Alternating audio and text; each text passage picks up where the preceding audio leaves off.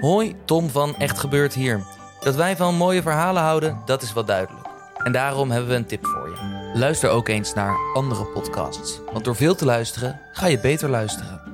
Luister bijvoorbeeld eens naar Villa Betty over het echt gebeurde verhaal rondom het duurste huis van Amsterdam. Je beluistert de podcast op Podimo, waar exclusieve podcasts en luisterboeken worden verzameld.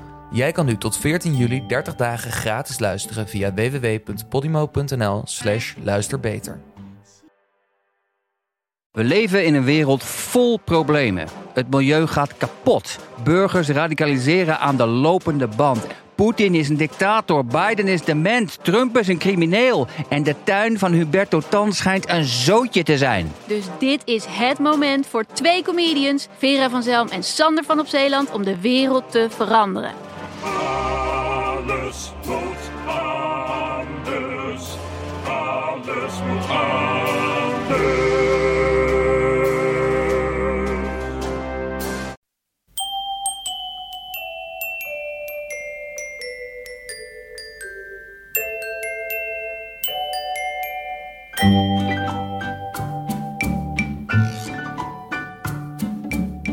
Welkom bij aflevering 246 van Echt Gebeurd, de podcast waarin waargebeurde verhalen worden verteld door de mensen die ze zelf hebben meegemaakt. In deze aflevering een verhaal van Jan van Tienen. Hij vertelde het in februari 2018 tijdens een verhalenmiddag met als thema verovering.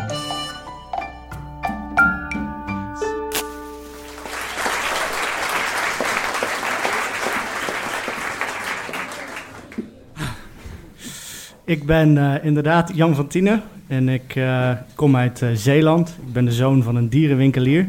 En ehm, onderdeel van het feit dat ik de zoon ben van een dierenwinkelier is dat, ik, dat mij als kind is verteld... zorg dat je iets doet waar je geld mee kan verdienen. Zoals iets met computers of bijvoorbeeld de, de, de tandheelkunde in. Uh, gelukkig uh, kon ik uh, wel goed leren. Dus ging ik naar Bergen op Zoom naar school. En ging daar het gymnasium doen. En dus elke dag fietste ik zo de Tolse brug over naar school. En daar bij Latijnse les zat Regine. En Regine was de dochter van, ik meen, artsen. En uh, Regine was heel bijzonder. En uh, ze blaakte van gezondheid en uh, levensvreugde. En, en haar ouders die woonden in Berg op Zoom in de buurt van, van de Grote Markt. En die hadden veel geld. En zij had een zweem van oililly om zich heen. En nou ja, goed. Je, je raadt het al. Ik werd verliefd. Het kwam ook, ja, ik bedoel, ik liet haar lachen. En zij liet mij lachen. En ze zeiden ook dingen als, oh Jan. Hè. Je kent het wel. Toen kwam er een schoolfeest aan en ik zag mijn kans. Of, nou ja, ik, ik dacht, daar moet het dan maar gebeuren. Um, dus ik bereidde mij voor op het schoolfeest door met Dennis een, uh, een doosje Vlugel te kopen. Hij dronk de ene helft leeg, ik de andere. En als een soort uh, deerniswekkend wrak uh, liep ik daar het schuimfeest op. Waar het zo schuim um, ja, op de dansvloer, die de aula was, maar ook de dansvloer. en daar stond ik dan en ik bewoog richting Regine ik, probeerde een beetje diezelfde sfeer op te wekken als, als in het klaslokaal, met dezelfde grapjes. Maar toen ik dan toch maar opbiechte dat ik haar leuk vond, toen zei ze, oh Jan. En, en, en, en dat was dat. En dat was dat. En uh, Christian ging er met de buit vandoor. Nou ja, goed. Um, goed, iets later op de middelbare schooltijd, ik werd toch iets meer mezelf. En uh, ik, ik, ik, groeide in mijn rol als jongen of zo, ik weet het niet. Uh, in ieder geval, ik, ik, kreeg iets met Larissa. En Larissa was ook uh, de, de dochter van een tandarts. En um, daar kwam ik dan een keer bij thuis. En daar zag ik soort van de levensstandaard van de tandarts. want zij deden zalm en, en hertenbiefstuk op de barbecue leggen. En ik vond, ik vond het nogal wat. Um, maar het was ook altijd zo dat haar vader uh, toevallig net aan de tweede fles witte wijn bezig was. Zo in een gekoelde pak. En in zijn, in zijn droevige gelaat sprak een pijloze leegte. En hij had dan ook een burn-out. Ja, was gewoon een treurige man. Dus ik zag dat. Ik dacht, hm, nou, het ging uit met Larissa. En uh, de middelbare schooltijd verliep gewoon zoals dat gaat. Ik haalde mijn diploma. En bij het uitreiken van het diploma, toen zei Paul tegen mij... Jeetje Jan, wat een mooie lijst met cijfers kun je niet bijvoorbeeld tandheelkundige doen? Dus ik dacht, mm, nou, toch niet gedaan. En daar, ja, daar liep het pad wat anders. Wat volgde was dat ik journalistiek ging studeren.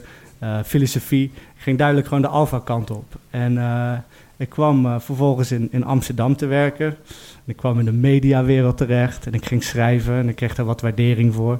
En dus ik kreeg ook een soort, eh, nou ja, betrekkelijk bohemian-achtig leven. Eh, wat vooral neerkwam dat ik dan ook veel dronk en ook wel eens partydrugs gebruikte en, en niet heel veel geld had.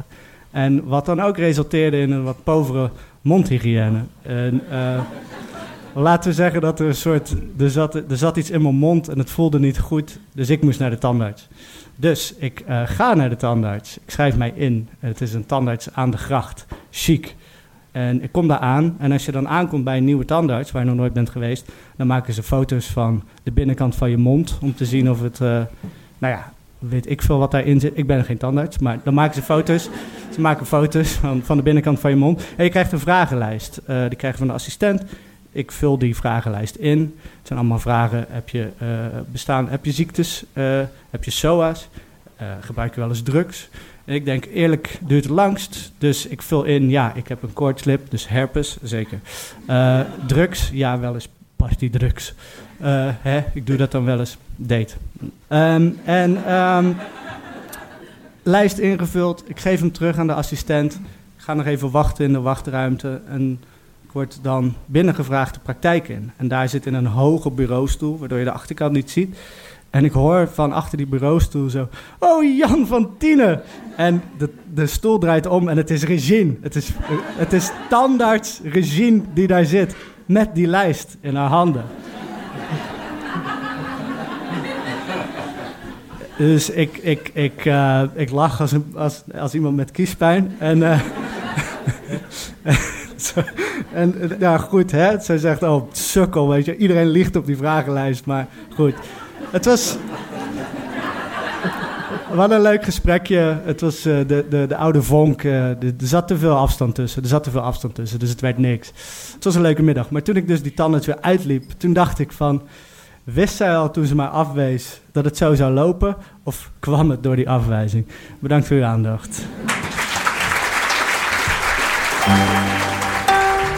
Je hoorde een verhaal van Jan van Tielen. Jan is journalist bij Brandpunt Plus, satiricus bij De Speld, romanschrijver bij Dasmag en soms vlogger op het YouTube-kanaal Recreatief Computeren. Echt gebeurd is een verhalenmiddag die maandelijks wordt opgenomen in comedyclub Toemler in Amsterdam, maar nu even niet.